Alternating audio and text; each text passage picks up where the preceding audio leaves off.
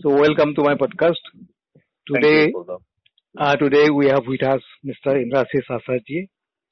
He has made three films, Billu Rakshas, Pupa and Parcel.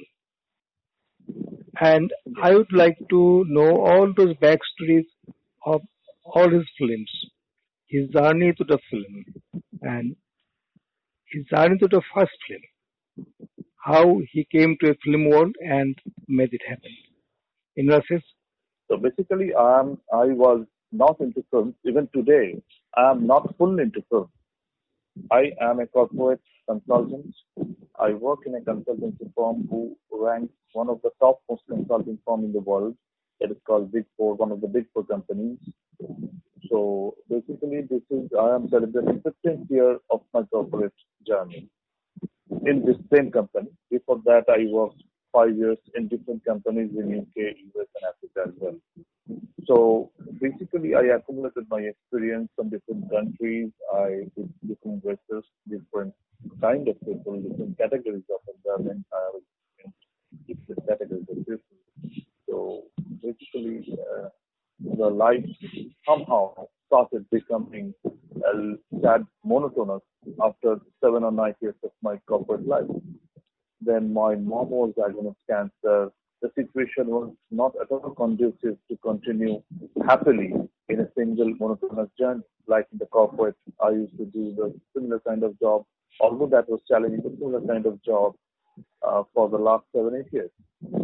So then I basically uh, wanted to switch something what I would like, uh, what I actually uh, thought to enjoy most, like an amalgamation of different uh, thing that I used to love from my childhood. One is the literature, second is music, third is acting, and fourth is in search of uh, stories or in search of dreams that I would never be able to achieve. So all these things actually instigated, uh, are converged into making films. So basically, I can remember when I used to travel with my parents in the sleeper class, and in the night when I used to see the the spot of lights amid the darkness of the field, paddy field, master field, it really, really took me somewhere from that uh, on that particular time. I, I I imagined I could have lived into that house. So basically, I I did wish to stay there, to spend my life there. And at the same time, I I did wish to spend my life in a, one of the floors at Burj Khalifa. So basically, living many lives into single life forced me to make cinema, and only cinema can make it possible to make me live in different lives in a single life. So that's the first thing that I decided to make films. That was the impetus uh, for forcing me to make films. Then I started with some short, short films, Living Beyond the Line, one amongst many, um, Little Affection, then Unfairly. Then few of the directors and actors at the time, Mr. Barun Chanda, Raja Sen, they encouraged me a lot to make a feature film. At that time, I was actually going through another bad phase of my life because I was not getting much happy moments during my uh, regular job. Uh, although I was traveling a lot, but the but uh, I was disturbed, irritated, and somehow uh, exhausted by by adapting myself different phases of change. Uh, I can remember when I started using floppy, I immediately switched to CD, then immediately switched to electrical hard disk, then immediately switched to USB. So many changes when mobile revolution entered or invaded our civilization and society post world consumerism. So that was really, really, I was really impacted by the by this thing, the rapid changes that it could not adapt at the time. So Bilu Approach actually is a story of rapidly changing times. The Bilu is a guy, I, I can remember that I wanted to make a film uh, with a person who is a failure. And Bilu is a story of a failure person. uh, let me interrupt you. the Yeah. Billu Rakshas. Could you elaborate the mm, title? Yeah, Bilu Rakshas means, uh, in English we call it Bilu, a demon within.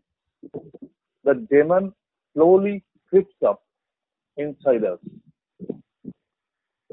So we become the same entity as our demon asked us to do. So in the in the rapid changing scenario, we could not cope up with our dreams, with our objectives of life, or the life we used to bring up. We were born and brought up with a different kind of environment, with a different kind of upbringing we had.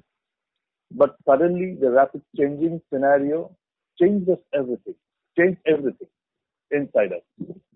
Uh, let me ask you one thing. Uh, You told me that in your job you were not satisfied in some at some time, Yeah, and your main character of the film Billu Rakshas, he was also not satisfied with his job. yes, yes. Is it is this your autobiographical? Yeah, kind of. Uh, I wanted to make my first film, which I have a proper knowledge and experience that Bilu had given me.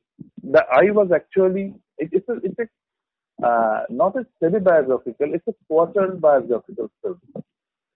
Uh, so 25% similarity is there with me in Bilu, and the rest 75% uh, Bilu I have accumulated from different parts of different experiences from my friends, from relatives, and my colleagues during my tenure of my company, in my company.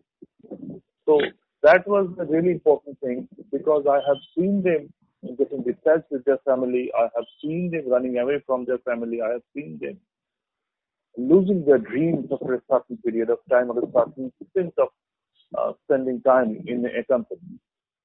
I, in our next session, I will concentrate on that part. What type of autobiographical elements came to a film and how it took shape. Absolutely. So it's enough for the first episode, and we will continue. And I hopefully I would like to do it in mm, an interval of one week. Okay, sir. That